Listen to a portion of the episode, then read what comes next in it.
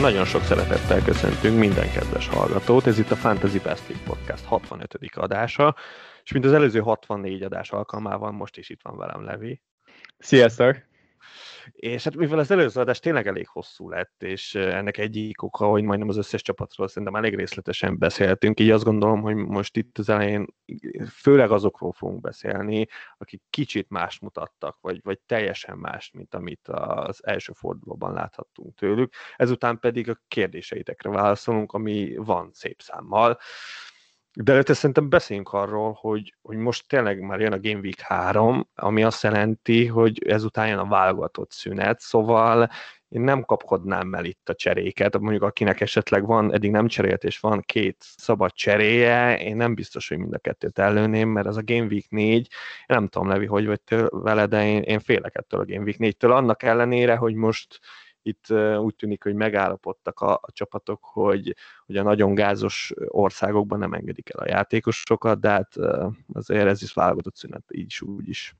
Igen, hogyha minden igaz, akkor a, a karanténeket meg fogjuk úszni. Én sokkal jobban tartok a válogatott szünettől, mint a, a negyedik fordulótól, tényleg itt az esetleges sérülésektől, meg a, a terheléstől, ami a játékosokat éri reménykedjünk abban, hogy a legtöbb játékosnak volt előszezonja, és, és ez segítheti őket abban, hogy, hogy túléljék valahogy ezt a hajtást. De ezen kívül, amit mondasz, az nagyon-nagyon igaz. Mindig jó két cserével menni a válogatott szünetre, már csak azért is, mert két csere, meg még egy mínusz négy, és akkor az már olyan, mintha egy mini wildcardot lőnénk el, ami meg nagyon szuper. És hát a mínusz nyolc olyan vészes azért, tehát akkor meg már négyet cserélhetsz, az már majdnem fél csapatod, szóval igen, én, én itt az elején most abszolút nem én. Még ezt a mínusz nyolcad is én már ugye tervezgettem itt nagyon előre, a négyet kéne cserélni, valószínűleg akkor se esnék nagyon a kardomban. Nyilván a negyedik cserém az már csak olyan lenne, hogyha tényleg valaki lesérül, vagy, vagy valami extrém, és akkor tényleg ki kéne mindenképp rakni a csapatból, és ilyenre azért szerintem belefér. A negyedik forduló előtt fog zárulni az átigazolási időszak is. Erről nem sok szó esett. Szerinted mennyire fogja ez még itt megkavarni az állóvizet, ami talán nem is annyira áll? Hát azért igen, itt, itt még uh, nagy ágyúk válthatnak klubot, vagy hát uh, azért benne lehet még a pakliba. Igen, erről, erről én, nekem is most például ez a válogatott szünet sokkal inkább a gondolataim körül van, mint, mint ez a, az átigazolási időszak. Itt igazából azért nem annyira foglalkoztam ezzel, mert azt gondolom, hogy akik a csapatomban vannak, azok remélem, hogy nem igazolnak el akár Angliából, vagy bármilyen másik csapatba, de ő, bennük azért nem annyira érzem ezt, de az biztos, hogy, hogy itt még számíthatunk uh, nagy igazolásra, Na de én azt gondolom, hogy kezdjük el az egyik meccsen, ami itt a hétvégén folyamán lement, és szerintem az egyik legérdekesebb ezek közül az a Soton Manchester United meccs volt, ahol én hát rettegtem, én nagyon-nagyon féltem, hogy itt milyen ki a Unitedből, de nem az jött ki, mint amit én gondoltam. Hoztam mínusz négyért a jó öreg Bruno Fernándest, még a kapitányi karszalagot is ráraktam, és hát hatalmas hiba volt. Vagy mégse? Nagy hibának nem gondolnám, főleg, hogy, hogy nektek legalább még ott volt a remény a szombati Szala, igen, igen. Szala Blank után. Hát nem ez a meccs következett a, a Leeds ellen. Ugye? Nagyon nem. Rangadóból. Nem volt jó a United, és Szoton sem volt különösebben Igen. jó, szóval... Ez a, vesz, ez a veszélyes, tehát ez a nagyon, mert tudod, én, nekem az volt a végső ilyen döntésem a, a, amellett, hogy behozom a Brunót, meg amiért én rettegettem a meccstől, mert tudod, megnézte az ember, hogy, hogy mit játszottak korábban, ez pont két olyan csapat, ahol már nem tudom, két és fél éve nem változott semmi, és, és azért nagyon, nagyon súlyos gólmennyiségek voltak ezeken a meccseken, és abszolút úgy voltam vele, hogy, hogy hát itt is legalább két gól lesz, és az egyikbe biztos, hogy benne lesz a Bruno, de hát amilyen lett volt a Leeds ellen, simán lehet, hogy mind a kettőben, és akkor már megéri kapitányt karszalagot is rárakni, de, de itt nem volt Kraft, se a Brunóban, de, de az egész csapatban sem. Tehát itt, itt nem az volt, hogy, hogy itt pech, és lehetett volna egy simán három gólos meccs is, nem, ez, ez egy küzdős meccs volt nagyon. Érdekes, amit mondasz, mert gólok azok abszolút jellemezték ezt az összecsapást. Ennek ellenére nekem, nekem múmusként van meg a Southampton. Tényleg? Igen, igen, abszolút. A legutóbbi két, két meccs, amit idegenben játszott a United ellenük, az, az mind a kettő fordítással igen, igen. sikerült behúzni. Szóval nem, nem indultak éppen zökkenőmentesen és a, a 9-0 előtti Old Traffordon játszott meccs pedig uh, egy utolsó perces. Obafemi. Obafemi, igen, szöglet után egyenlített a szoton. Igen. Szóval azért mindig félszám megyek bele ebbe a meccsbe, ettől függetlenül szerintem azok, akik Fernándest választottak Csékának, azok, azok sokkal inkább lehetnek dühösek a Fernándesre és a Unitedre, mint sem magukra szerintem teljesen rendben volt a döntés. Az, hogy ki legyen a csékánk, az szerintem egy 50-50 call volt. Igazából érme feldobás is eldönthette volna, és, és nem is múlt rajta sok, túl sok minden. Itt Bruno, Bruno-nak a helyzet az nagyon jól mutatja szerintem, hogy mekkorát tud fordulni a világ itt egy Game Week alatt. A Mester 3 után most már megint tervezik az emberek azt, hogy megszabaduljanak tőle, pont úgy, mint Game Week egy előtt. Ehhez, ehhez hogyan állsz? Hát szerinted, tehát nyilván nem fogok kirakni egy játékost, akit mínusz négyért behoztam a második fordulóba. Tehát magyarul ez azt jelenti, hogy minimum Game Week 7-ig, 8-ig ő a csapatomban lesz. Ezt, ez magyarul ez volt a döntés mellett. Én, nem nézett ki jól, de attól függetlenül a pozíciója még mindig nagyon tetszett, szóval nem gondolom, hogy, hogy ebből baj lenne. Az kérdés, hogy a United de nem gondolnám, hogy rossz lenne ez a United, mert a leeds meg annyira jól néztek ki. Itt a Soton valamiért meglepte itt őket. is nagyon jól néztek ki egyébként a, a Soton gólja előtt. Ott, ott bőven-bőven vezetnie kellett volna a Unitednek, és akkor jött a jó öreg megpattanó, amit csak azért nem tudok teljes mértékben okolni a, a rossz, a rossz performance miatt, mert, mert lényegében Maguire is akart adni egy gólt a Sotonnak. igen, igen. Szóval nem az volt az egyetlen ilyen esélye a, a szenteknek. Szóval azt mondod, hogy ez a United ez teljesen rendben van, tehát te nem izgulsz most annyira a csapatért? A, a csapatért mindig izgulok, de fantasy szempontból szerintem, szerintem elég stabilak. Itt lényegében két opció van nálam, és akkor még sokaknál ott van Pogba is. Fernandesnél szerintem egészen egyszerű a szitu.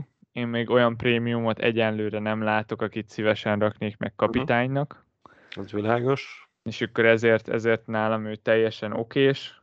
Lukákuról nem hiszem, hogy túl sokat fogunk beszélni, mert érintettük őt az előző adásban, de még mindig az a véleményem, hogy nagyon szuper, rossz sorsolás ellen hozhat pontokat, de 11,5 milliós csatár csak akkor érdemes behozni, hogyha meg fogjuk rakni kapitánynak.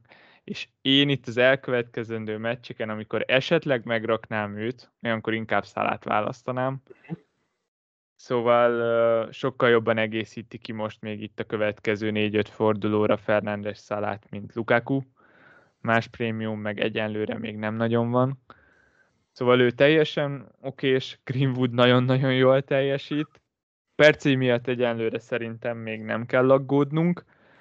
De azt nagyon jó volt látni ezen a meccsen, hogy kellett a gól, támadó cseréket is eszközölt alá, és Greenwood végig a pályán volt. Abszolút pozíciót is váltott, ha Martial, Martial borzasztó volt, akkor át csatárba.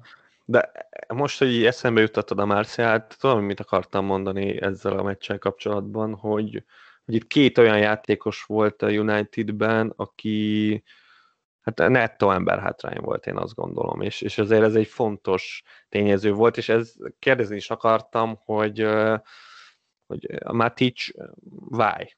Tehát, hogy McTominay állítólag csak 30 percre volt jó ezen a meccsen, és akkor ebből a 30-ból talán 20-at kapott meg. Ez így magyarázható, ez így védhető, de, de ha Mátisnak kell játszani, akkor baj van. Tehát azért az itt látszik, hogy hú.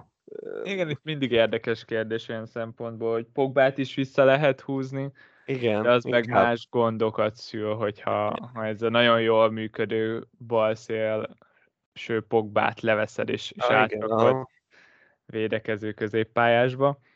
Szóval ez egy olyan probléma, ami remélhetőleg hamar orvoslásra kerül, Hát meg Marciál nyilván, tehát, de Marciál szerintem túl sokat nem kell beszélni. ha látott valaki két percet abban a meccsből, az, az bőven elég volt arra, hogy, hogy a Marcial jelenlegi állapotát, helyzetét teljesen fel lehetett mérni ez alapján. Igen, itt, itt Greenwood kapcsán azt leszűrhetjük szerintem, hogy most már csak Cavani az, aki csak gondot okozhat. Így van, így van. Márciára már feledkezhetünk, és hogyha nem lenne az urugvái, akkor, akkor teljesen, teljesen jók lennénk. Azt tudni kell, hogy, hogy Cavani el fog menni válogatott szünetre. Így van. És ha minden igaz, akkor ő is piros zónásba menne, szóval itt még Igen. nem egészen tudom, hogy mi lesz. Ha zöld zónásba menne, és játszana, akkor, akkor le tudja, hogy pihentetnék. Hát az, igen, az benne van a pakliba. De, de itt igazából az a kérdés, hogy az utolsó meccs, tehát így ennyire még nem mentem bele, hogy most melyik meccs, most milyen zóna, meg milyen nem. Ugye az utolsó meccs, ami különösen fontos, hogy az, ha azon játszik, akkor nyilván nem, akkor nem játszik a Game Week 4-en, de ha, ha oda nem megy, akkor előtte nem tudom, mondjuk harmadikán játszott, vagy, vagy tehát, hogy majd, hogy nem eltelik egy hét, akkor már ott lesz, hogy lehet, hogy nem fog kezdeni, de, de akkor már csapat közelben lesz. Igen, de inkább közelben lesz. Azért Cavani-val nagyon-nagyon óvatos le, és nagyon jól menedzseli szerintem a perceit. Szóval Greenwood, akinek van, az szerintem még egy nagyon-nagyon király tartásra jó lesz, akinek nincs, annak meg nem hát kell túlságosan a radarján legyen. Itt én még a védelem érdekelne a Unitednél, hogy Show mondjuk igen, megkapta a két bónuszt, úgyhogy igazából nem tett hozzá FPL szempontjából a meccshez, de nem tudom, hogy az a baj a United-del, hogy, hogy látod, ilyen gólokat bármikor bekap, és, és ez, ez igaz volt rá tavaly is, meg tavaly előtt is, és emiatt a clean olyan nehezen jönnek valamire a Unitednél. De ez, ez lényegében két-három éve legalább így van. Igen, igen. Tudom. Ez, ez szerintem a következőkben sem fog változni. De, de Sónak a játéka nekem abszolút tetszett így az első két fordulóban. Tetszik, szóval... tetszik. Nyilván nem ez a legnagyobb problémám, de lehet, hogy valakinek ez. És az lehet, hogy, hogy találna akár 5.0-ért is hasonló potenciálra rendelkező védőt. Hasonlót lehet, igen. Én ezt egy egészen fölösleges transfernek érzem még most. Hogyha belegondolsz, itt ez a két bónusz is oké, okay, ez a Soton meccs, ez borzasztó volt, és nem nagyon hozták a bónuszpontokat a játékosok, de szerintem ez is egészen jól mutatja, hogyha itt netán jön egy clean sheet, és ad egy asszisztot show, akkor már ott vagyunk 10 pont felett. Szóval én érzek benne egy olyan robbanékonyságot, ami, ami az öt és feles árcímkével teljesen jól fekszik. Többen kérdezték, hogy Pogbával esetleg lehet-e pótolni Fernandest. Erről mit gondolsz? Elég nagy az ár, árkülönbség a két játékos közt, és hogyha valaki csak a Soton meccset nézte meg, akkor, akkor nem feltétlenül értheti, hogy miért. Ott vannak a pontrugások Fernandes oldalán, meg alapvetően egy góljelölősebb játékosról beszélünk, de vajon járható út-e az, hogy kirakjuk Fernándest és Pogbával próbáljuk megpótolni? Érdekes. Igazából itt azon kell lehet elgondolkozni, hogy, hogy akkor miért ne hoznám be Greenwoodot. De igen, itt ugye a Greenwood az neccesebb, de akkor a Pogbánál is simán megtörténhet az, hogy, hogy amint az imént elmondott probléma, hogy hogyha nincs a McTominay, akkor, akkor egy Matisnak kell ott a Fred mellett játszania, és az tényleg borzasztóan néz ki.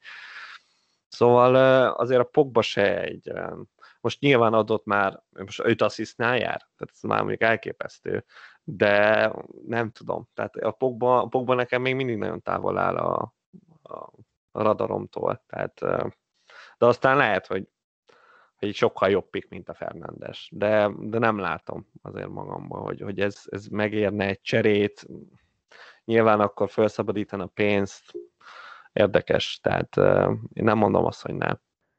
Ez nagyon tökös transfer, szerintem ez egy olyan transfer, akire jó szívvel senki nem mondaná azt, hogy csinált, pusztán azért, mert senki nem akarná magára vállalni ezt a felelősséget. Én értem amúgy a, alapvetően a gondolatmenetet, mert hogyha csak a meccset nézzük meg, akkor mostanában megint nagyon hasonló a két játékosnak a pozíciója, azért a gól az még mindig Fernandesben van ott, és mint említettem, a pontrugások is, is mellette szólnak. Pogba tök jól néz ki, az, hogy pótolni tudjuk Fernandest, azt, azt én egyenlőre még erősnek érzem, és itt megint visszakapcsolnék a kapitány kérdésre. Azért, hogyha ha megnézzük az elkövetkezendő párfordulót, van nagyjából két olyan meccs, ahol nem annyira szívesen raknánk meg Szalát, Chelsea ellen, meg a Manchester City ellen, és hogy ezeken a meccsekre tudtok-e olyan prémiumot hozni, akit szívesen raktok meg, és nem Fernándesnek hívják, vagy esetleg Pogbát megmeritek-e rakni, ez már abszolút rajtatok áll. Tökös lépés minden esetre.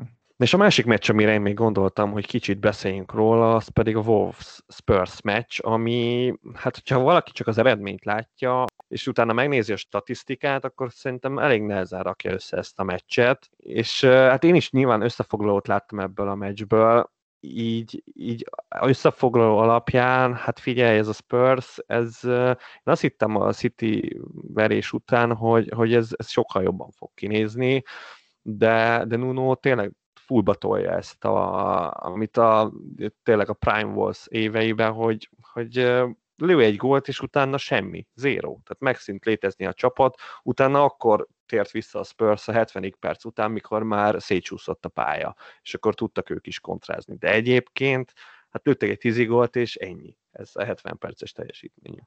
És ráadásul nem Son lőtte azt a tízigolt, ami nagyon-nagyon nagy meglepetés volt számomra.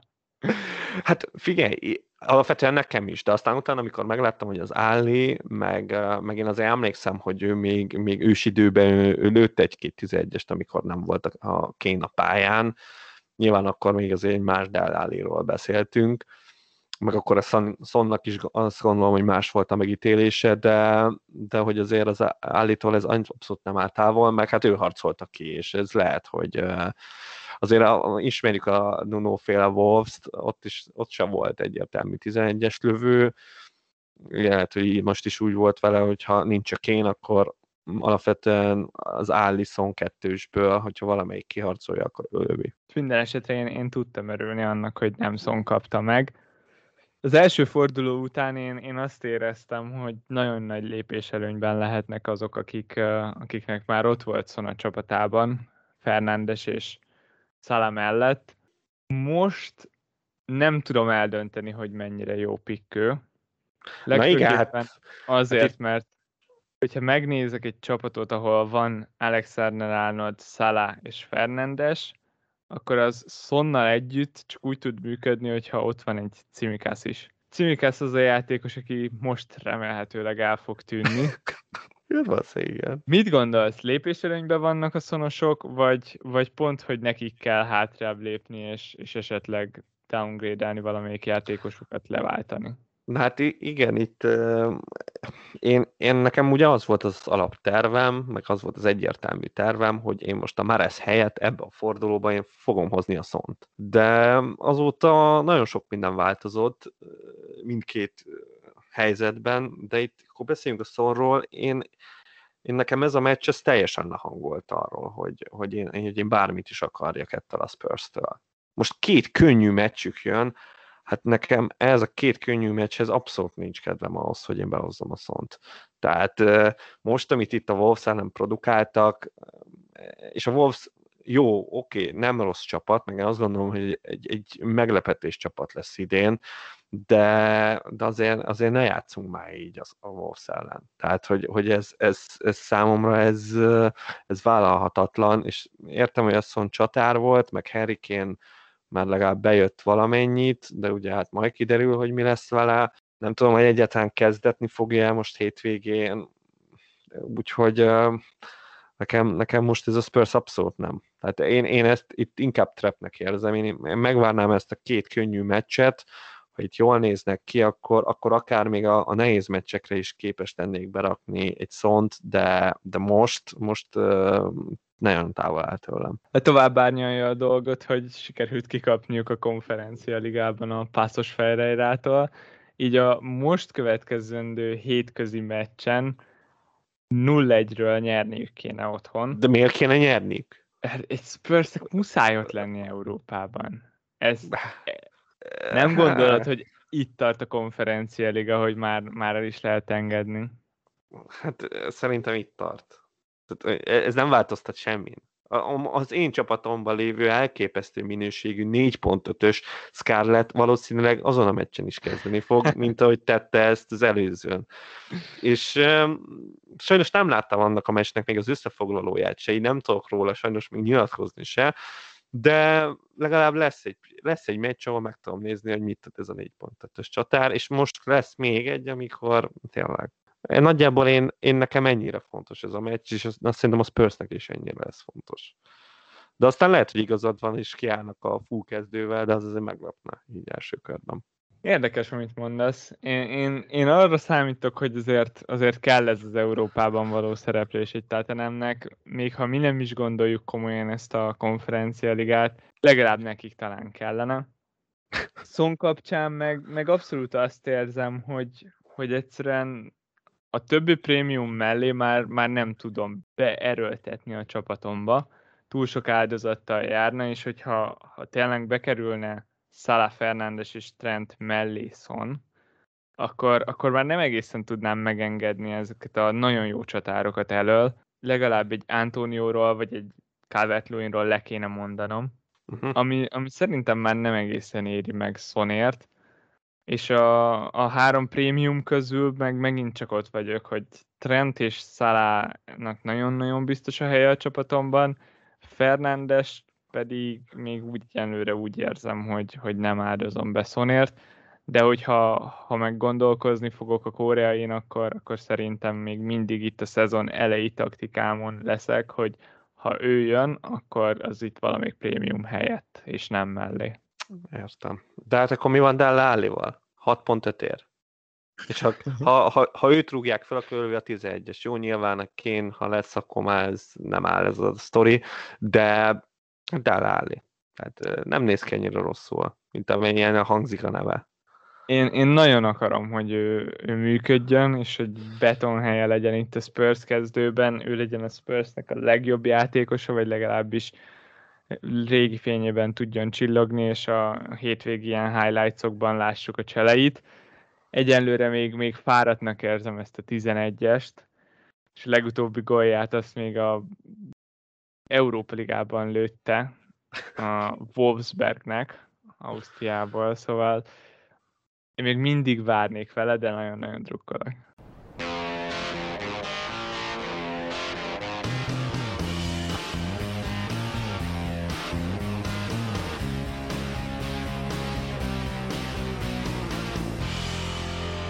Máté már említette, hogy nagyon sok kérdést kaptunk tőletek, aminek nagyon-nagyon örülünk. És rögtön ide vág a Wolf Spurs meccshez Dave-nek a kérdése. Máté tőled kérdezi, hogy miért nem jó Pixon. Hát figyelj, itt én csak annyit tudok erre mondani, hogy nagyon rosszul nézett ki itt ezen az előző meccsen a Wolves ellen, és emiatt én, én, én nem, nem merem berakni teljesen jó szívvel, úgyhogy uh, én, én nekem csak, de, de hogyha valaki hisz benne, mert itt láttam, hogy Discordon uh, látják, hogy két könnyű meccs jön a Spursnek, és, és gondolkodás nélkül berakják a szont, és, és egyébként ez nagyon sokszor működik is, tehát, hogy sokszor jó, hogyha nem néz meccseket az ember, és az FPL szempontjából ez jól jön ki, de én nem tudok ezzel megbékélni, úgyhogy én ezért azt mondom, hogy nem jó pick. De tőled meg azért kérdezte, hogy miért jó pick én erre azt a választ adnám, hogy mert ő az egyik legbiztosabb pont jelenleg a játékban, hogyha azt nézem, hogy kit mennyire ismerünk. Son, Son egy olyan játékos, akit már hosszú évek óta nézünk, és tudjuk, hogy ő az egyik legjobb befejező a ligában, hogyha nem a legjobb. Jelenleg nagyon előjátszik, effektíve csatárt, és, és szerintem ez most még nem fog változni a következő két meccsre. Szóval itt egy olyan játékos van, aki, akit ismerünk, aki nagyon jó, akit akár kapitánynak is meg lehet rakni, és, és lényegében két millióval olcsóbb a többi prémiumnál. Szóval ezek miatt én azt mondom, hogy ezek miatt lehet ő nagyon-nagyon jó pick. De várjál, te most akkor azt mondod, hogy még a következő két meccsen a harry nem látjuk a kezdőben? Nagyon necces. Ez, ez az, amire csak azt tudom mondani, hogy nem tudom most bejött csereként, de ez is még szerintem inkább egy valamilyen színjátéknak volt a része. A, a meccs után elment a szurkolókhoz, a vendégszurkolókhoz, Igen. és megtapsolta őket, és ezt egyedül tette meg, szóval lehetséges, hogy ez már a búcsú volt, búcsú? de őszintén nem tudom megmondani, hogy most leigazolják-e őt 150 milliért, vagy sem. Hogyha, hogyha marad, akkor még mindig nem vagyok benne biztos, hogy olyan jó ötlet lenne őt egyből kezdőbe vágni, mert, mert mindenképpen van feszültség közte és a klub között. Jó van. Uh-huh. Gábor kérdezte tőlünk, hogy Traorét vagy Rafinhát válassza, és annyival szeretném árnyalni ezt a kérdést, és bedobni neked egy még egy kérdést, hogy a két játékos közül az egyik ezeket a statokat hozta. 1,45-ös XG, 10 kapura lövés, ebből 7 a 16-oson belül, és ebből kettő kaput talált, és öt helyzetet alakított ki. Kettőjük közül melyik ez a játékos, és utána válaszold meg Léci a Gábor kérdését is, hogy Traoré vagy Rafinha. Fú, ez a helyzet kialakítás, az mennyi volt? Öt öt helyzet kialakítás, akkor én a, a, has, szerintem hasonlóak lehetnek a statjaik egyébként, de, de még meg a kapuralövést mondd el még egyszer, mert az alapján most akkor el fogom dönteni. 10 kapura lövés. Akkor ez a Traoré, ez a, csak a Traoré lehetett. Ez csak a Traoré lehetett. 10 miatt igen, az a Traoré. Igen, ez a Traoré volt. 1,45-ös XG, rengeteg lövés és egész jó előkészítési számai is voltak és eddig négy FPL pontja van.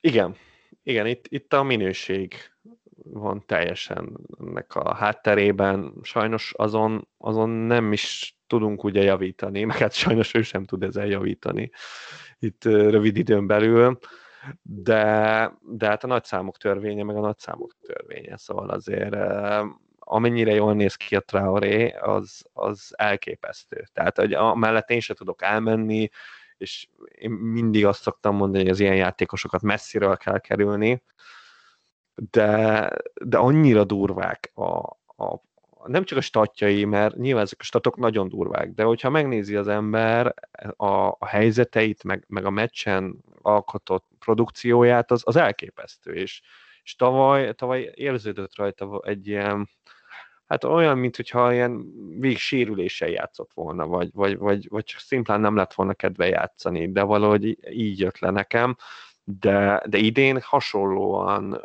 jól néz ki, mint ahogy két éve. És ugye két éve mondjuk az meg egy nagyon túl futott szezonja volt, de, de nekem tetszik, nekem tényleg nagyon tetszik a Traoré, és, és ha 6.0-ért kell hoznom középpályást, akkor, akkor én mindenképpen őt hoznám. Tehát nekem az a legnagyobb problémám, hogy amikor kihagy egy egy az egy elleni helyzetet Schmeichel ellen, akkor azt mondom, hogy milyen király pozícióba került, és milyen jó lehetősége volt. Igen. Nagyon veszélyes, tök szuper. De amikor egy fordulóra rá kihagy még egy egy az egy elleni helyzetet ezúttal Joris ellen, akkor azt mondom, hogy jól van, emlékezz, ezért nem rakott be ezt a játékost, mert egyszerűen nem képes arra, hogy befejezze a helyzeteit. Lehet. És Traoré tipikusan ez a játékos, aki, aki miatt szerintem sokan fogják még a fejüket a falba verni. A 6.0 az tök jó, meg én nagyon örülök neki, hogy olcsóbb lett, mint tavaly. Uh, tavaly azért egészen, egészen soknak bizonyult ez a hat és fél, de, de erről meg abszolút az jut eszembe, amikor ő még az első szezonját tolta a Premier League-ben, Nekem volt egy cserém Mourinho első meccsére, amikor Kane mellé be kellett hozzak egy olcsó középpályást, és 5,2-ért a Traorét hoztam be. Emlékszem. Már akkor is nagyon bosszantó volt, és nem túl, hozott nekem túl sok pontot, de 5,2-ért nekem, nekem nagyon tetszett. És a szezonnak itt későbbi részében neki felkúszott az ára 5,4-re vagy 5,5-re, még mindig borzasztóan olcsó volt, de akkor már azt éreztem, hogy ez túl sok ezért a játékosért, pedig 5,5 azért nem sok egy középpályásért. Most abszolút ez az érzés van meg bennem még itt 6.0-nál, hogy jól néz ki, de, de Traoré, Traoré az Traoré, és, és Rafinhát választanám a két játékos közül. Én is, mindenképp, de hát az, az a Rafinha extrája, tehát most a Leeds United az, az teljes mértékben Rafinha, brutálisan jól néz ki. De vissza Traoréra, nekem az volt a konklúzióm vele kapcsolatban, hogy hogy jó, igen, nagyon oké, okay, de, de várjuk meg, amíg a Jimenez összeszedi magát. Mert ha Jimenez összeszedi magát, akkor legalább az asszisztok fognak csorogni, és ez legalább több, mint a semmi, még ha nem, tud, nem is tud gólt lőni, de amíg nem is tud gólt lőni, és nem is tud asszisztot adni, addig igen, addig vigyázunk vele.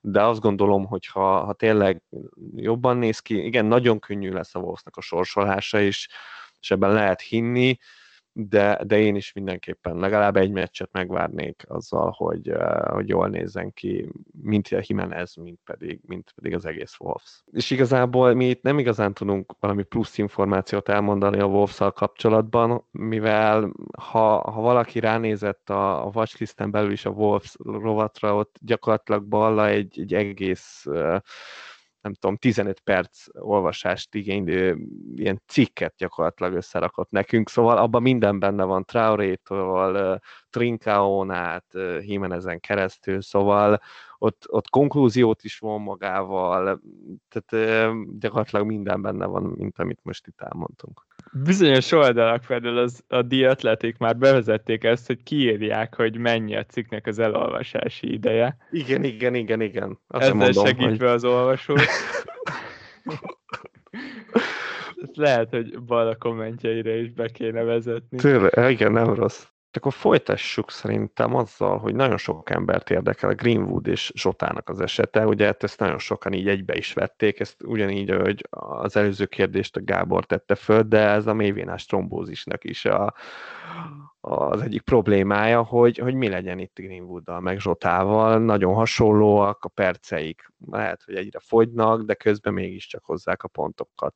Hozzák, abszolút hozzák. Négy olyan játékos van, aki az első fordulóban is betalált, és a másodikban is. És ebből a négyből ugyebár Greenwood és Zsota a, az a kettő, aki mind a két fordulóban akciógólból szerzett gólt.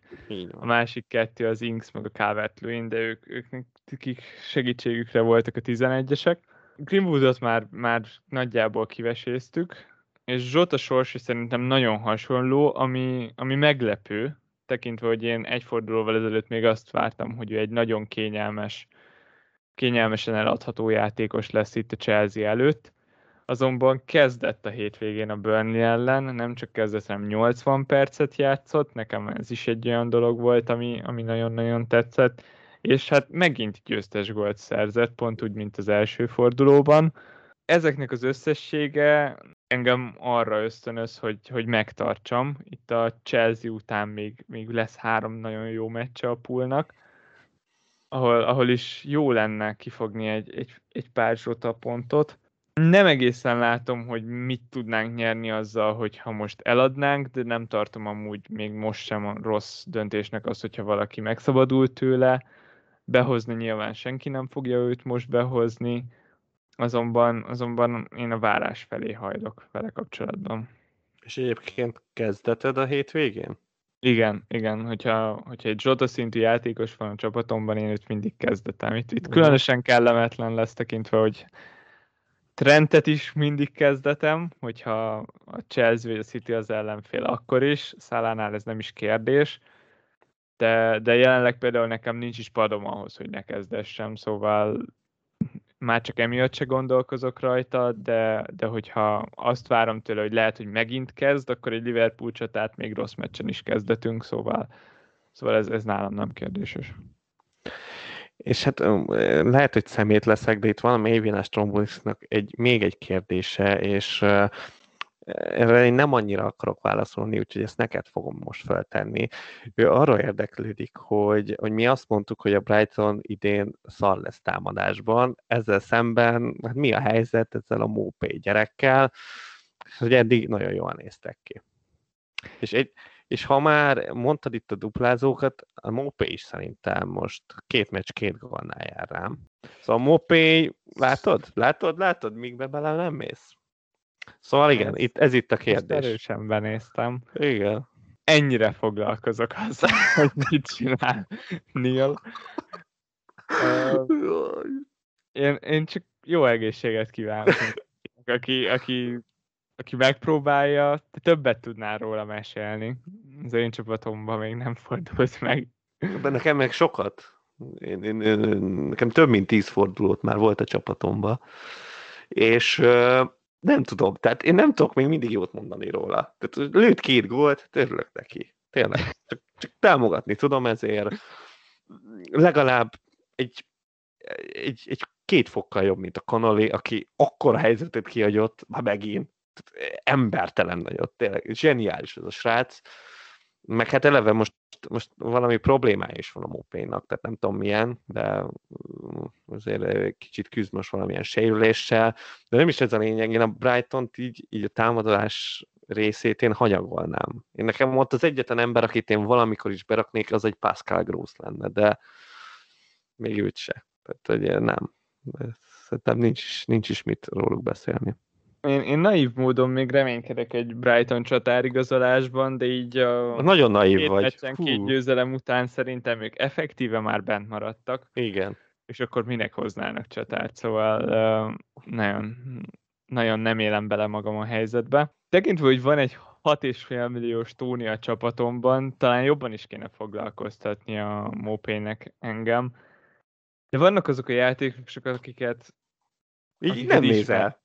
Igen, Igen akik, akik a vakfoltjaink, ezek közül a játékosok közül is különösen érdekesek azok, akikről tudod, hogy úgyse büntetnek meg, szóval... Meg, igen, igen, igen. Tehát, hogy, meg, meg tanulsz, te olyan vagy, hogy tanulsz másnak a hibájából. Hát te, Igen. Hát te Igen. abszolút olyan vagy, hogy nem Olyan, mint hogyha ott lettem volna veled, mint hogyha engem bántott volna már két éve. Off. De a védekezésben most legalább lehoztak egy clean Nem volt egyszerű, de megcsinálták. Ilyenek, ezek a Brighton meccsek mindig izzadósak, de jó csapatról van szó. Én úgy azt nem gondoltam, hogy rosszak lesznek támadásban, mert ők már két éve jók támadásban, befejezésben kevésbé. Mondom, pozitív csalódás, én nagyon örülök nekik, meg nagyon szeretem őket. Mopé, Mopé egy olyan játékos, aki fog még gólt lőni, de egy olyan játékos, akit büntetés nézni. Fú, ne is mond.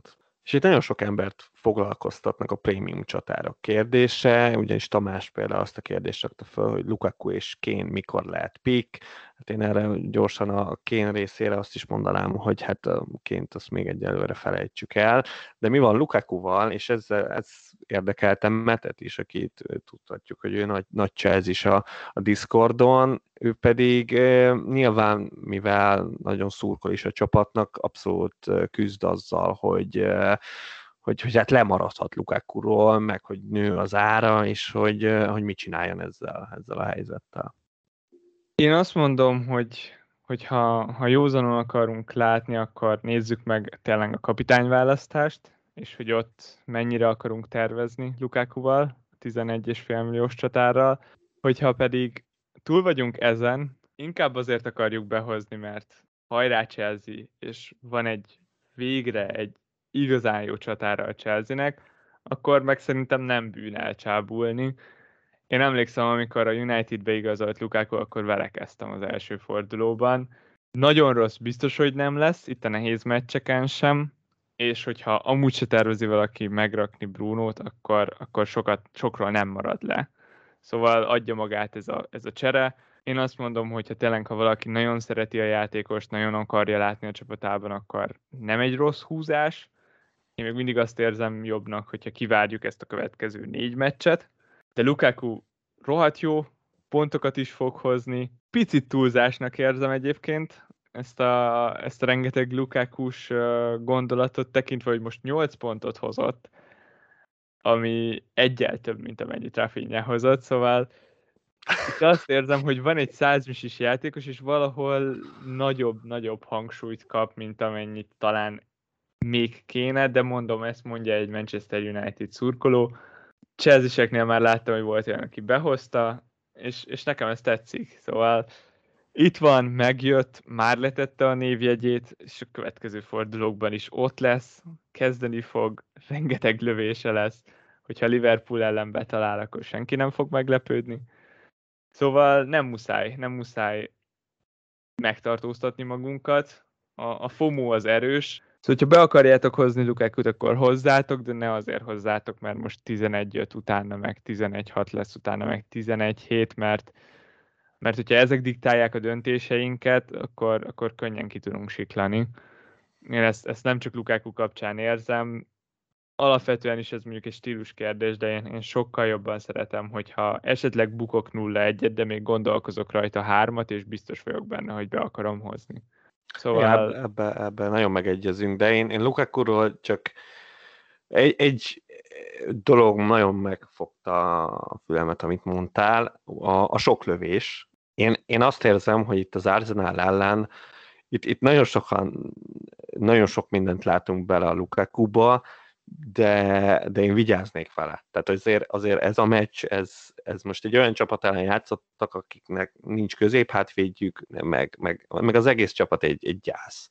És, és itt nagyon durván nézett ki a Lukaku. Én nem is értem egyébként Ártéttel mit gondolt, meg vagy mire számított, tehát semmi meglepő nem történt azon a meccsen, miközben teljesen olyan volt, mint hogyha nem is értené, hogy valami elképesztőt húzott itt a Tuhel, és itt igazából arra akarok kiukadni, hogy, hogy engem nagyon érdekel, hogy hogy fog működni a, ez a Chelsea, mikor, mikor tényleg ilyen nagyon kemény védekező csapat ellen fog játszani. Az, az engem sokkal jobban érdekel.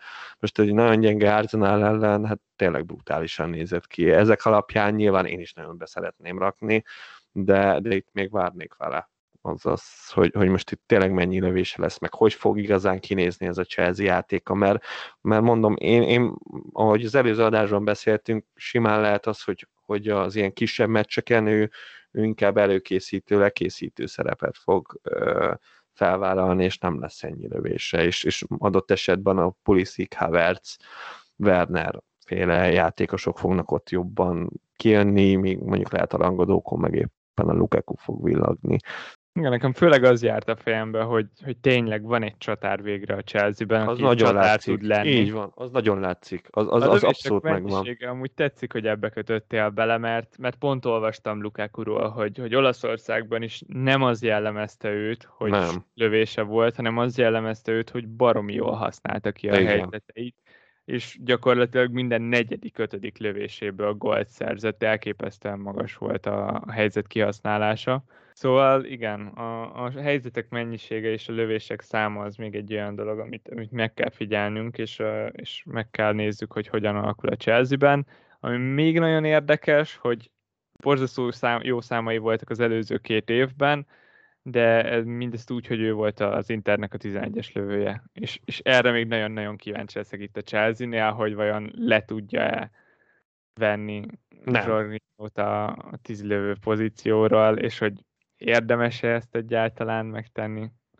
Én, én, én nem tudom elképzelni. kérdés ez. Főleg, hogy uh, most itt ugye a hype mennek nem csak az FPL-ben, hanem így a nagyvilágban is, hogy Zsorzsinyó aranylabda és a hasonlók. Szóval ezek után én, én, én nem, hát ilyen emberre nem tudod levenni az aranylabdát. Tehát akkor a sztár alkat, ránézel és látszik, hogy az eget. Ez, nem, nem lehet szőke a csápó. igen, igen.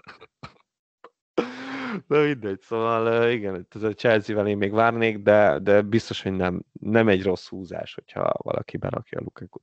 Most egy nagyon furcsa kérdést kaptunk, amit nem láttam jönni be valami őszintén, de Nobi arra érdeklődött, hogy a Norwich friss igazolása, azaz Brandon Williams mennyire lehet menekülő út a Cimikász tulajdonosok számára. Szerintem játszani fog, mert Biztos, a igen. City ellen effektíve nem volt bal hátvédje a Norrisnak, pedig még cserélték is oda. Szörnyű volt. Szörnyű. Hát négyet kaptak onnan. Konkrét négy gólt kaptak onnan. Ugyanazt a gólt kaptak. Igen.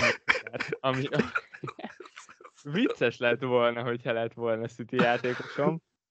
Szóval a percek meg lesznek. Én, én azt mondom, hogy, hogy ne cseréljetek Norwich védőt, hogyha ha 4.0 akkor se. Egyszerűen nem nem tudnék úgy leülni egy Norwich meccs elé, hogy ott, ott várja clean és, és nem az az igazán támadó játékos a Williams. Nem. Azt tudni kell róla, hogy jobblábas, szóval annyira passzok se fognak jönni, mert, mert igazán a ballábasok jól, tudnak jól beívelni onnan, a lövések azok meg megint csak mellőzve lesznek, szóval...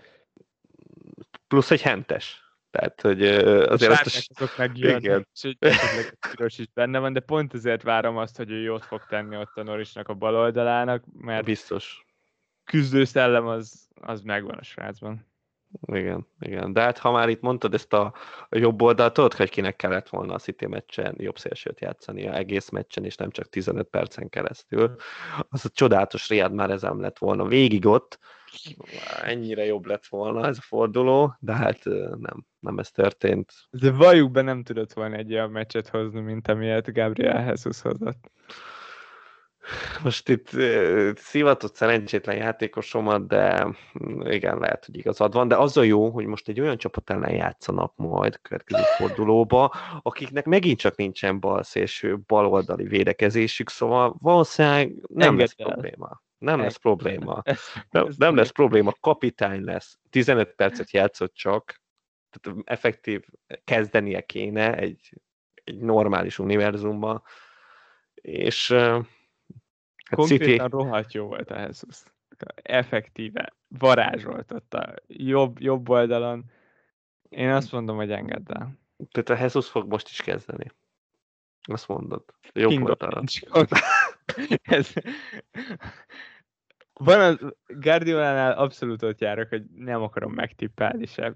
Minek? Jó, hát neked, neked nagyon könnyű, mert nincs City játékosod. Én meg még nagyon bízok De a miért nincs? Hát tudom, hát te már, te már engedted ezt a dolgot.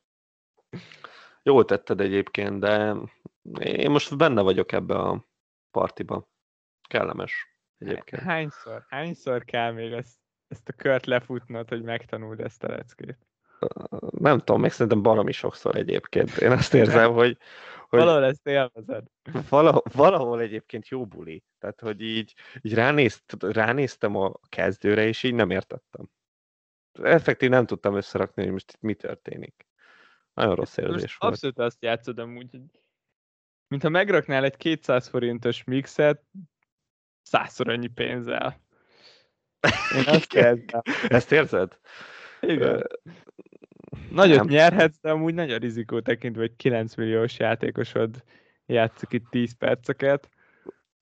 Nem tudom, hogy mennyire éri ez meg neked, de... De látod, hozta, hozta a 6 pontot. Nagyon izgultam, nagyon izgultam, de hozta. Az nincs messze a Zsota ponttal, érted? Az, az csak a clean sheetje nem volt meg, meg a, meg a 60 perce. Egyébként. De, de egyébként gólt hozta. Azt az egy gólt hozta. Igen. Jó, hát ezt megbeszéltük, és ha már itt már eznél tartunk, akkor hát ugye még régen Dave nevezte el a csodálatos West Ham játékost AliExpress-es Mereznek, de, de azóta Alex úgy hivatkozott rá, mint az akciós Zsota. Nem tudom, hogy tudod-e, hogy kiről van szó.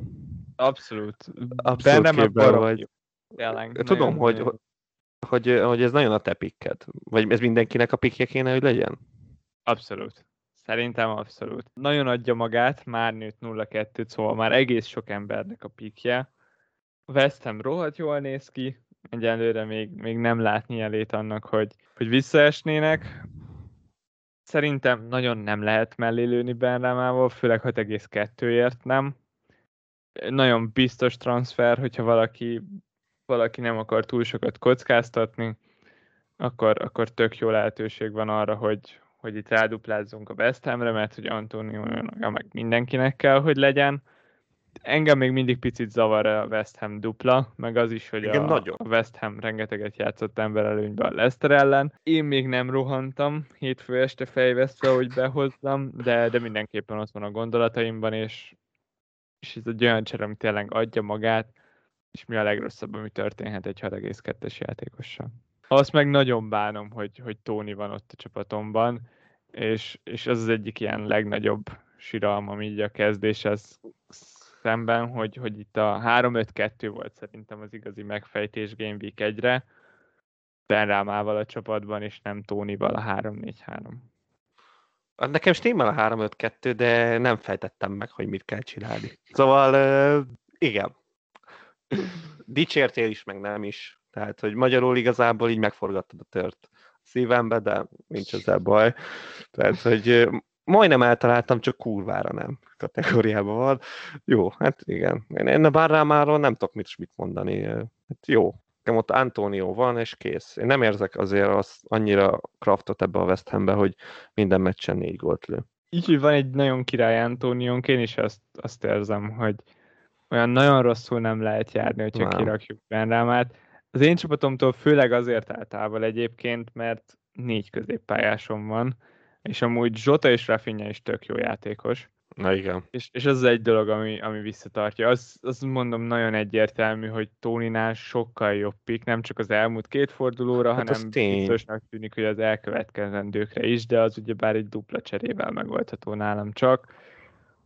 Amúgy, amúgy gondolkoztam még olyanokon, hogy, hogy például Zsotából csinálok Benrámát, ahogy, ahogy Alex is mondta, és akkor lesz egy, egy akciós zsotám, és akkor abból a pénzből meg tudnék csinálni a Tonyból egy calvert Szóval ez egy olyan dolog, ami megfordult a fejemben, és, és ez sem egy olyan csere, amit nagyon utálnék, mert, mert zsotát kirakni fájna, de, de Benráma tényleg jónak tűnik, szóval ja. Vala kérdése erősen összecseng Mattnek a fomójával, megéri-e szerintetek egy mínusz négy egy olyan transfert, amely nem szükségszerűen esedékes most, viszont a jövő fordulóban talán 0,3-at is bukhat rajta, és meg akarja húzni ezt a transfert, szóval tényleg itt, itt inkább az a kérdés, hogy most válasz a pénzt, vagy a későbbiekben? A biztos pikket, mert azért igen, tehát itt ahogy a podcast elén elmondtuk, hogy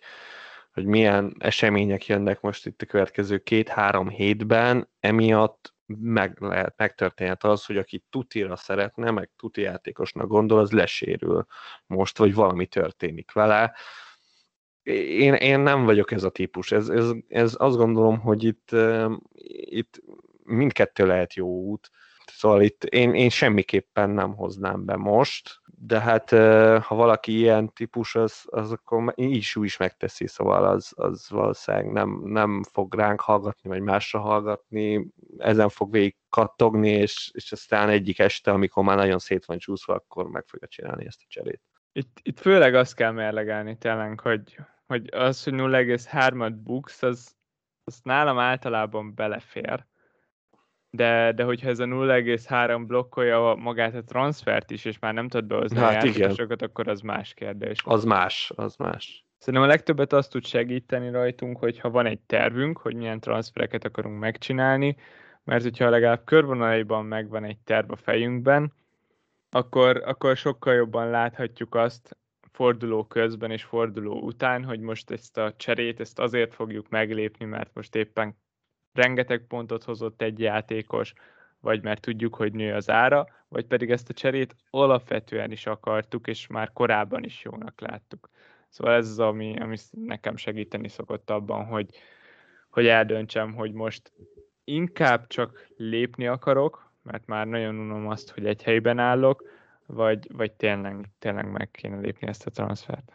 Hát most még itt az elején azért eh, nincs ez a nagyon tudod, amikor beszokott állni az, hogy nagyjából két helyre cserélgetsz így évközben, és, és már nagyon unod, hogy a, gyakorlatilag a fontos játékosaithoz nem nyúlsz hozzá. Úgyhogy, ja, hát ez, ez, ez mindenkinek a, a maga meglátása, megdöntése, de és akkor jön az utolsó kérdés, ami szerintem az egyik legérdekesebb, és sok vitát uh, generált itt a Discordon, amit pedig Kubi rakott föl, ugyanis ő egy olyan helyzetben, hogy annyira jó a csapata, hogy igazából ilyen elképesztően fontos változtatást nem akar eszközölni, mindössze csak egy kicsit javítani, de hát ugye van két free transferje, amiből, hogyha most nem cserél, akkor az egyik, tehát az elszáll, mert ugye nem lehet több a, a kettőt, mert nem tudjuk növelni háromra, Szóval így kénytelen egyet cserélni, és hát nyilván van egy Ben White a csapatában, aki azért nem annyira szerencsés, és akkor ő, ilyen pillanatban abba gondolkozik, hogy vagy egy kódit hoz helyette, vagy pedig egy, egy livramentót, de igazából ezt bárkinek igazából ki lehet ültetni, akinek tényleg annyira jó csapata van, hogy adott esetben csak egy cimikász a legnagyobb problémája, akkor mit mondanál ezeknek az embereknek, Levi? Nehéz, nehéz a kérdés. Én, én azt érzem egyébként a legtöbbször olyan nehéz eldönteni, hogy melyik középpályást akarjuk, melyik csatárba lenne jó beleszállni, hogy, hogy ilyenkor fordulunk a védők felé, és tolunk egy biztonságos, unalmas védőcserét, ami, ami még egy picit javít is a csapatunkon. Igen, igen. ez, ez alapvetően azért egy rossz dolog szerintem. Az, hogy most kirakod White-ot és behozod Kódit, ez, ez így a csapatodon szerintem nagyjából nullát fog változtatni. Nem Körülbelül sokkal igen. vagy előrébb, mint hogyha elégetnéd azt a cserét. Nem tudom, hogy most mi a helyzet white de azt tudom, hogy három hét múlva lesz a Norwich meccs, és addig már csak egy fordulót kell kibérni. Így szóval én, én itt még abszolút látok fényt az alagút végén, és hogyha az Arzenál nem fog gólt kapni a Norwich ellen, akkor nem fogok lefordulni a székemről. Szóval én annyira nem utálom őt, és az egyetlen dolog, amit tudok mondani, hogy, hogy esetleg azon gondolkozzon el Kubi, hogy milyen nagyobb transfereket tervez itt a következő fordulóban, és esetleg van egy olyan kicsi, kicsi csere, amivel elő tud segíteni egy későbbi transfert, hogyha nem, akkor, akkor aztán jöhetnek ezek a védőcserék, mert van egy pár olyan dolog, amit ha kipipálunk, és még mindig nem tudunk változtatni, akkor, akkor nem kell változtatni, és akkor lehetnek ezek a egyet oldalra lépünk típusú cserék, van, amikor, amikor ennél többre nem futja, az meg mindenképpen tetszik, hogy két cseréje van, de, de amúgy alapvetően nem akar túl sokat forgatni, hogy lehessen két cseréje a következő forduló után a válogatott szünetben. Ebbe a kérdésbe én, én amúgy abszolút belehallottam azt is, hogy hogyha most valaki akar cserélni egy négyes feles védőt, akkor amúgy kit kéne behozni, mert itt Kobi említette Kódit, akinek borzasztó jó a sorsolása a nyolcadik fordulóig, de, de vajon Kódi a legjobb pick itt az olcsó védők közt, vagy van olyan más védő, aki jobban tetszik nála neked? Hát az az igazság, hogy annyira nincs, aki nagyon tetszene négy és fél ér. Most itt uh, átnéztem a mezőnyt, bárhogy is nézem, még mindig, igen, én azt mondanám, hogy, hogy ugye az Arsenalnak lesz nagyon jó a sorsolása itt rövid időn belül, meg a Wolverhamptonnak ez a két csapat, aki, akiben egyébként látom is a potenciált, hogy, hogy hozzanak kinínsitet. Mondjuk az Arsenalnak elég nehezen, de, de azért én hiszek, hiszek legbelül, hogy azért kuka csapatok ellen ők nem annyira kukák. Itt sok, sok csapatnak ugye nagyon elromlik a sorsolásuk, még a Leedsnek javul, de, de én, én nem vagyok egy nagy Leeds védőpárti. Egyetértek. Um, én, én szeretem védelmet. Ez egy olyan domba, min hajlandó vagyok meghalni, hogyha ezt lehet így magyarul mondani egyáltalán. Éling szerintem a legjobb négyes feles pick jelenleg, hogyha ha valakinek meg van, akkor, akkor lehet itt esetleg Tatanem védőt behozni. Az Ezért volt ott kicsit. Ott is vannak Vannak erős kérdőjeleim. Igen. Pont úgy, mint az esetleges Wolves védőcserénél, szóval Mondom, én engem még mindig azt érzem, hogy itt, itt egyet lépünk oldalra, aztán, hogyha ha ez valakinek segít, akkor az segít. Hát nagyon szépen köszönjük a kérdéseiteket, várjuk jövő héten is, legalább ilyen jókat, mint amit most föltettetek. És itt nekem az utolsó kérdés kapcsán, itt ugye én már félig meddig itt beletettem azt az opciót is, hogy, hogy mi van, hogyha a címikázt akarja valaki kirakni az ember. Már az szerintem érdekes, és ez azért fordulok erre, mert most már itt saját csapatainkról van szó, és nekem azért itt van egy ilyen problémám, hogy ugye jelen pillanatban maximum három játszóvédőm van, és, és hogyha véletlen valamelyikkel lenne valami, akkor, akkor a covidos Veltman és a kiszoruló Cimikász már nem segítene ezen a helyzeten. És most már 4-2, tehát nyertem, nyertünk rajta 0-1-et, aki, aki, aki Cimikász tulaj, és őt lehet, hogy nem olyan nagy probléma kivenni akár egy Livramentóra, vagy akár ezt a 0-1-et már a bankokban tároljuk, és van egy játszóvédőnk ezzel szemben. Annyira nem rossz, de a te esetedben ugye bár egy ingyen cseréről beszélünk. Igen, sajnos igen, igen. Ez, és, és én ott azt érzem, hogy, hogy ezt inkább zsebre vágnám, főleg, hogyha van három játszóvédőd a következő fordulóra, mint hogy egy 4.0-ásat cseréljek. Livramento amúgy abszolút a legjobb 4.0-ás pick. Ő az egyetlen, aki, aki saját jogán játszik, és Igen. kezd. Nem pedig sérülések miatt. De ez engem megdöbbent. Engem, engem nem, mert én, én elképesztően sok jót hallottam a Chelsea-sektől. Tényleg Miért? nagyon nagyra tartják. Én, én olyat is olvastam, aki azt mondta, hogy, hogy tényleg effektíve, mint Mount meg Reese James legalább akkor a hype jött ki ott az akadémiáról, és, és az se véletlen, hogy egy elég, elég magas buyback, egy visszavásárlási záradék van a szerződésében, és hogyha belegondolsz, a Walker Peters, ez konkrétan ugyanígy érkezett a Southamptonba, hogy rosszabb sehol volt. nem volt a Spursben, és, és megkapta egyből a, a kezdőszerepet a Szotomban, és ezt még azzal egészíteném ki, hogy Livramento nagyon jól játszott az első két forduló. Nagyon. És engem ami megnyugtatott, ami ilyen utolsó ilyen megnyugtatás volt ezzel a témával kapcsolatban, és nagyjából a fejemben le is zárta ezt a kérdést, az az volt ugyanis, hogy Walker Peters bejött a Manchester United ellen, de bal hátvédként, tehát hogy a frissen igazolt francia balbeket váltotta, és Livramento maradt a helyén, és Walker Peters volt a bal hátvéd, ami számomra teljesen azt jelenti, hogy, hogy itt, itt a Walker Petersnek nincs helye, maximum akkor, hogyha lesérül a kezdő bal hátvéd, és ott kaphat helyet.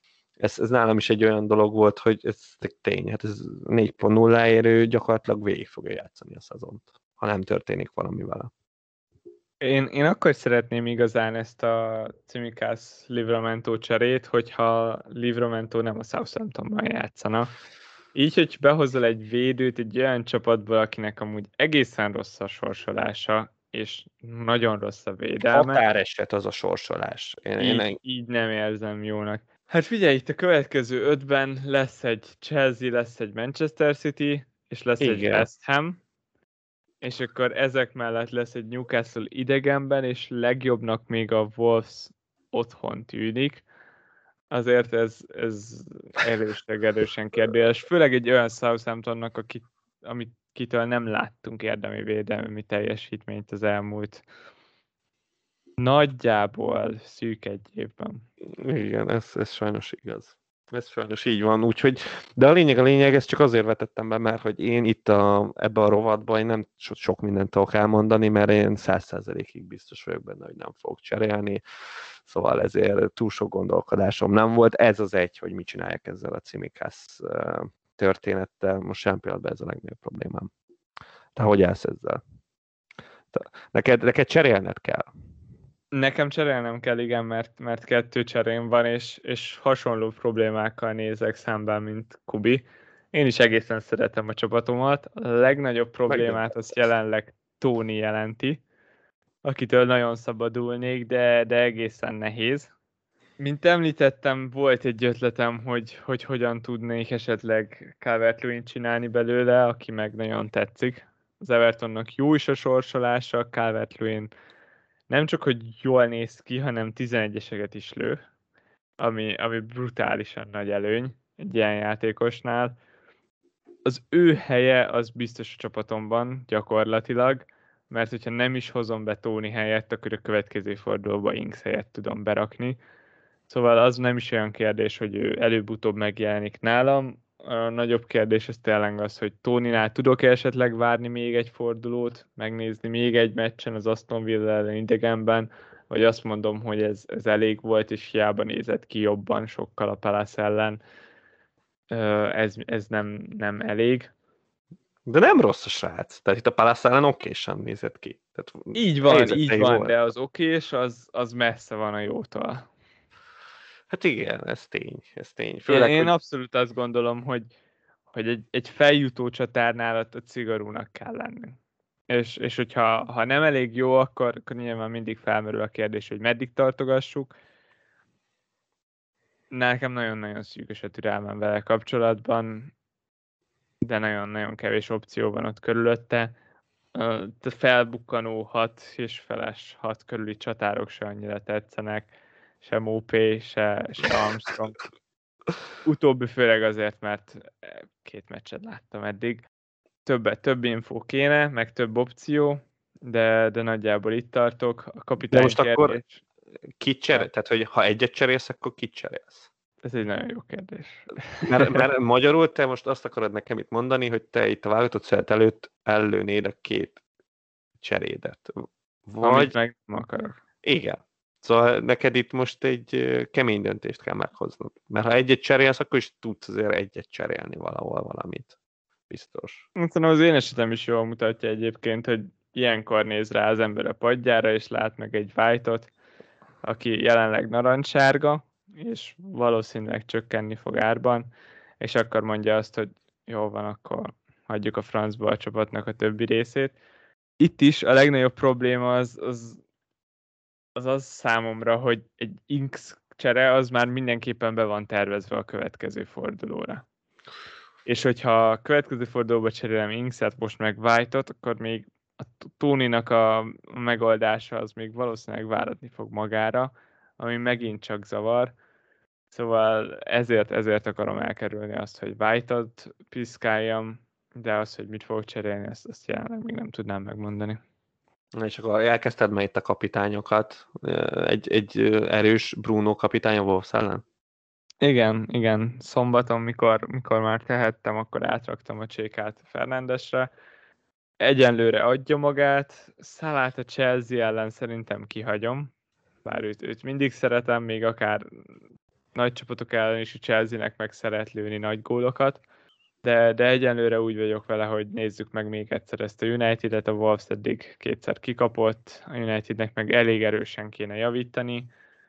Ö, nagyon más játékos nincs is itt a fejemben a, a többiek közül, hogyha, hogyha nem száll lesz, akkor, akkor nagy valószínűséggel Fernandes. De azt tudom, hogy nálam nagyobb a spektrum. Nagyobb a spektrum, hát én is szombaton rögtön már ráraktam egy bizonyos játékosra, még mindig rajta van, de sajnos sajnos olyan teljesítmény nyújtott az előző meccsen, hogy, hogy kénytelen leszek levenni róla, vagy nem tudom, mit csináljak, ugyanis hát Antonion van még jelen pillanatban is a kapitányi karszalag, de, de hát ez a teljesítmény, amit nyújtott, kénytelen leszek lehet, hogy levenni róla.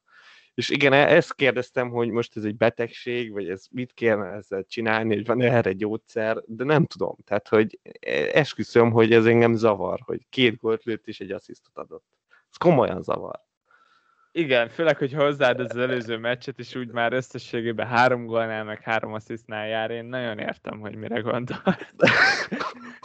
Sajnos én erre nem tudok felírni semmit, de, de remélem, hogy a, az élet majd meggyógyít. Az élet meggyógyít. Most jelen pillanatban akire raknám ezek után, az, az, az egy erős riad már ez lenne egyébként az Arsenal ellen de emésztem még ezt a dolgot egy, egy pár napig, és, és hát ha meg tudok békelni ezzel az Antonio kapitányjal a palace Fernándes abszolút kijátszotta magát? Hát ő ki.